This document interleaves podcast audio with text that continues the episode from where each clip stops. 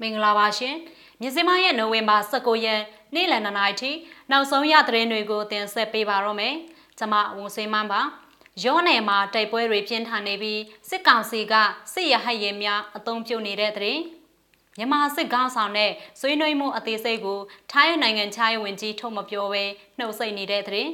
ရေဖြူမြို့နယ်ကံပေါက်ရွာမှာရဲစခန်းအပါဝင်၄နေရာပုံပေါက်ခွဲတဲ့တဲ့င်းအဆရှိတဲ့ပြည်တွင်းနဲ့နိုင်ငံတကာသတင်းတွေကိုတင်ဆက်ပေးပါရမယ်ရှင်။မကွေးတိုင်းကသတင်းနဲ့စချင်ပါတယ်။မကွေးတိုင်းဒေသကြီးရောမြို့နယ်မှာစစ်ကောင်စီတပ်တွေနဲ့ဒေသခံကာကွယ်တပ်များတိုက်ပွဲပြင်းထန်နေပြီးစစ်ကောင်စီကစစ်ရဟတ်ရင်များအုံပြုတ်နေကြောင်းဒေသခံသတင်းရင်းမြစ်ထံမှသိရပါဗျ။ရောဒေသကာကွယ်တပ် YDF PDF စော CTF မန်တာ CTF ကံပလက်ပိုးပေါင်းတပ်ဖွဲ့တွေနဲ့စစ်ကောင်စီတပ်များအကြားဒီနေ့နိုဝင်ဘာ19ရက်မနေ့ပိုင်းကစပြီးတိုက်ပွဲပြင်းထန်နေတာဖြစ်ပါတယ်။စောမြို့နယ်ကြောက်ထုလေရင်ကွင်းကိုစစ်ရဟရင်တစီနဲ့ရိုးရိုးရဟရင်တစီဆင်းသက်လာတယ်လို့ဒေတာခန်ကပြောပါတယ်။လက်ရှိမှာစောမြို့နယ်ကျိန်ချောင်းရွာနဲ့တောမကျေးရွာဝန်းကျင်မှာတိုက်ပွဲပြင်းထန်နေတဲ့အတွက် စိန်နဲ့ကန်ကျဲလန်းကိုအသွာအလာဆင်ခြင်ပေးကြဖို့ CDF ကံပလက်ကသတင်းထုတ်ပြန်ထားပါတယ်။လက်တလောအတီးပြုတ်နိုင်တဲ့သတင်းတွေအရရော့ဒေတာထီလင်းမြို့နယ်အတွင်းတိုက်ပွဲမှာ YDF ထီလင်းမှနှစ်ဦးကြဆုံးပြီးတဦးဒဏ်ရာရက CDF မင်းတပ်အဖွဲ့မှတဦးဒဏ်ရာရရှိကြောင်းသိရပါတယ်။စစ်ကောင်စီတပ်မှအကြအဆုံးကိုတော့မသိရှိရသေးပဲဒဏ်ရာရရှိသူအများအပြားရှိတယ်လို့သတင်းရင်းမြစ်ထံကသိရပါဗျ။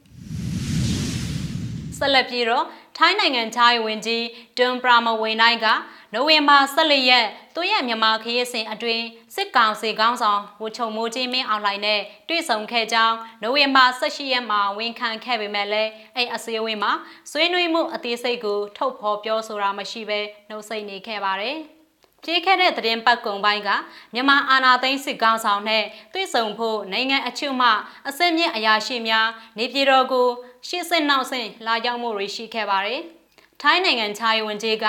သူနဲ့မြန်မာစစ်ကောင်းဆောင်တွေ့ဆုံနေစဉ်ဆွေးနွေးမှုအသေးစိတ်ကိုပြောဆိုတာမရှိပေမဲ့မြန်မာနိုင်ငံသားတွေကိုလူသားချင်းစာနာမှုအကူအညီထောက်ပံ့ရေးကိစ္စကိုဆွေးနွေးခဲ့ကြောင်းနဲ့နိုင်ငံတကာအဖွဲ့အစည်းတချို့ကကိုညီမယ်လို့သဘောတူခဲ့တယ်လို့ပြောခဲ့ပါတယ်။ ဒါအပြင်ထိုင်းနိုင်ငံရဲ့ပုဂ္ဂလိကကန္တာပိုင်းမှလူဒန်းတဲ့ပစ္စည်းတွေအပါအဝင် အကူအညီပစ္စည်း18တန်ခန်းကိုခရီးစဉ်အတွင်းလွှဲပြောင်းပေးအပ်ခဲ့ကြောင်းထိုင်းနိုင်ငံခြားရေးဝန်ကြီးကပြောပါရယ်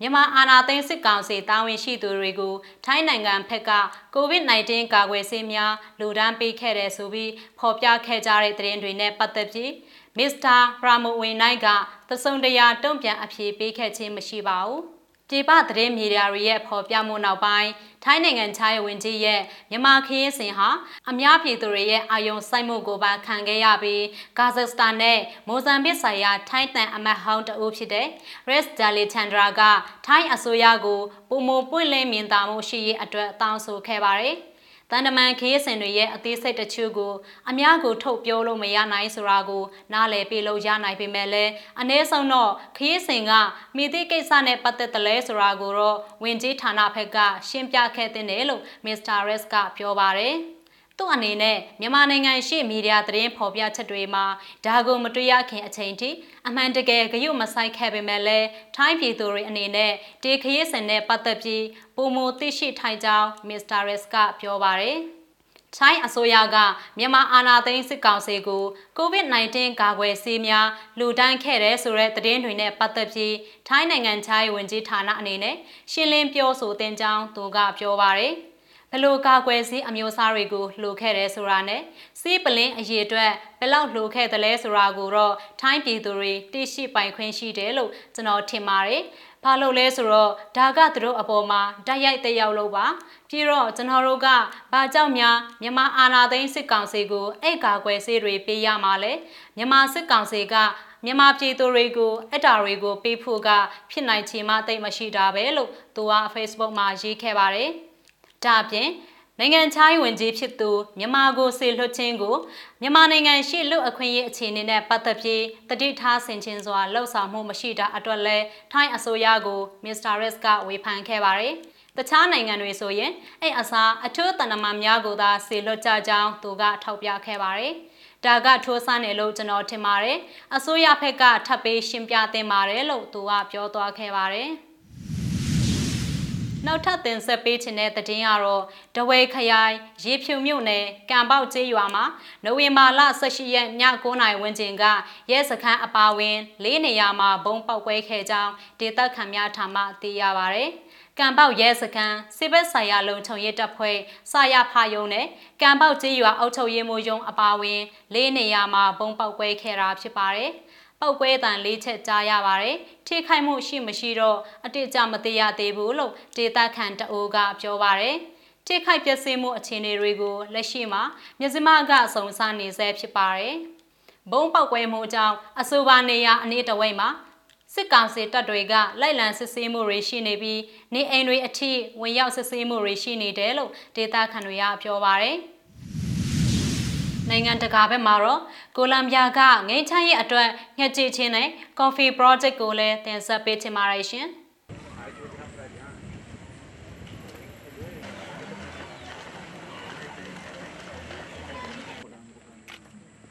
rama principal del collado. Esa había con-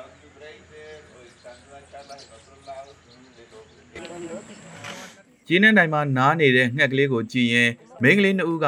Terenas melancholias မျိုးစိတ်လား Pyrocephalus rubinus မျိုးစိတ်လားဆိုတာကိုဆွေးနွေးနေကြပါတယ်။အဖြေမှန်က rubinus မျိုးစိတ်ဆိုတဲ့ရင်ပုံနီစာငှက်ကလေးပဲဖြစ်ပါတယ်။ကိုလံဘီယာအလယ်ပိုင်းကစိမ့်မြတဲ့ Planades တောင်တန်းတွေကြားမှာအခုလိုဌာနေတိုင်းရင်းသားကလေးငယ်တွေရဲ့သကတာဝတ်တန်းကစားနည်းကလည်းအံ့ဩဖွယ်ရအလေးအထားတစ်ခုဖြစ်ပါတယ်။တောင်တန်းကြီးကိုတေချာကြည့်မယ်ဆိုရင်ကလေးလူကြီးအယောက်30လောက်ကငှက်ကြည့်တဲ့နေ့ကိုပါဝင်ဆင်နွှဲနေကြတာကို တွေ့မြင်နိုင်ပါတယ်။အဆိုပါပနာမခြေလန်းဟာနိုင်ငံကိုရာစုနှစ်ဝက်ကြာစန့်ကျင်တိုက်ခိုက်ခဲ့တဲ့ Marx Wadi တော်လန်ရေးလက်နက်ကင်တပ်ဖွဲ့ FARC ကဆင်နွှဲခဲ့တဲ့စစ်ပွဲတွေကြောင့်ပျက်စီးခဲ့ရတဲ့တိုလီမာဒေသရှိငြိမ်းချမ်းရေးကိုမြင့်တင်ဖို့ရည်ရွယ်ခြင်းဖြစ်ပါတယ်။တမိုင်းဝင်ငြိမ်းချမ်းရေးသဘောတူညီချက်တစ်ခုနဲ့ထိုပဋိပက္ခကိုအဆုံးတိုင်စေပြီးတဲ့နောက်9နှစ်အကြာမှာစစ်ပွဲရဲ့ဒဏ်ရာဒဏ်ချက်တချို့ကျန်ရှိနေသေးပေမဲ့ပလာနာတက်စာ ငြိမ်သက်မှုကိုပြန်လည်တွေ့ရှိခဲ့ပါတယ်။ငှက်ကြည့်ခြင်း project ကိုမြင့်တင်ပေးတဲ့ပလာနာတက်ရှိဂေဟစနစ်ထိန်းသိမ်းသူတွေအတွက် Exopet အသင်းကိုတီထောင်ခဲ့သူကယ်မီလို NC ဆိုကတော့ငှက်တွေကကျွန်တော်တို့အတွက်ပေါင်းစည်းမှုတစ်ခုကိုယူလာပေးတယ်လို့ဆိုပါတယ်။အခုလိုလာကြည့်သူတွေထဲမှာပြန်လဲပေါင်းစည်းရေးစခန်းတွေမှာနေထိုင်ကြတဲ့ FARC ပျောက်ကြားဟောင်းတွေရဲ့သားသမီးတွေလည်းပါဝင်ကြပြီးအရက်သားဘဝကိုပြန်လဲရောက်ရှိအောင်ကူညီပေးနေကြပါတယ်။ အလားတူစစ်တပ်မှာကာလတာရှည်အရန်အကူအဖြစ်ဆောင်ရွက်ခဲ့ကြတဲ့ NASA ဌာနေတိုင်းသားအတိုင်းဝိုင်းကအဖွဲ့ဝင်တွေနဲ့ပဋိပက္ခနဲ့အကြမ်းဖက်မှုကို ပြင်းထန်စွာခံစားခဲ့ရတဲ့တောင်သူလယ်သမားမိသားစုဝင်တွေလည်းပါရှိပါတယ်။ Exopet အဖွဲ့ဟာပဋိပက္ခတွေကြောင့်ဒေသတွင်းမှာကာလအတန်ကြာလက်လန်းမမီဖြစ်ခဲ့ရတဲ့တန်ဖိုးတစ်ခုကိုလည်းယူဆောင်လာဖို့လှုံ့ဆော်နေပါတယ်။အဲ့ဒါကတော့ကော်ဖီပါ။ခြိုင်ဝမ်ဒေသရဲ့နေရာတိုင်းကတောင်ဆောင်တွေမှာ ကော်ဖီပင်တွေတွေ့ကပ်ပေါက်ရောက်နေကြပါတယ်။နေသားချင်းနဲ့မိုးတီးထန်ခြင်းကြားမှာပြောင်းလဲနေတဲ့ Andes တောင်တန်းရဲ့ရာသီဥတုကကော်ဖီပင်တွေအကြိုက်ဖြစ်ပါတယ်။စံချိန်တင်ဈေးနှုန်းတွေနဲ့အရည်သွေးမြင့်ကော်ဖီဟာချမ်းသာကြွယ်ဝမှုကိုဖော်ဆောင်ပေးနိုင်တယ်လို့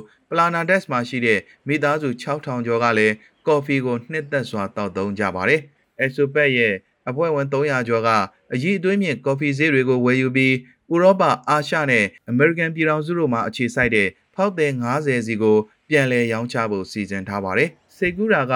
ကော်ဖီကိုဘယ်နိုင်ငံမှာဘယ်ဈေးနဲ့ရောင်းလဲဆိုတဲ့ကော်ဖီရဲ့တန်ဖိုးအစစ်အမှန်ကိုသိရှိလာစေဖို့နဲ့ထုတ်လုပ်သူကိုနည်းပညာအကူအညီနဲ့အသိပညာတွေပေးနိုင်ဖို့ဖြစ်ပါတယ်။နောက်ဆုံးမှာတော့စစ်မှန်တဲ့ဝင်ငွေကိုရရှိလာမှာပါလို့ NC ဆိုကပြောပါတယ်။အဖွဲ့အနေနဲ့ကော်ဖီဈေးတွေကိုအမျိုးအစားခွဲခြားပြီးမှန်ကန်တဲ့ဖောက်သည်တွေစီမှာမှန်ကန်တဲ့ဈေးနှုန်းရရှိဖို့ရွေးချယ်ခြင်းအကြောက်လန့်ခြင်းစတဲ့လုပ်ငန်းတွေကို ကူညီပေးမှာဖြစ်ပါတယ်။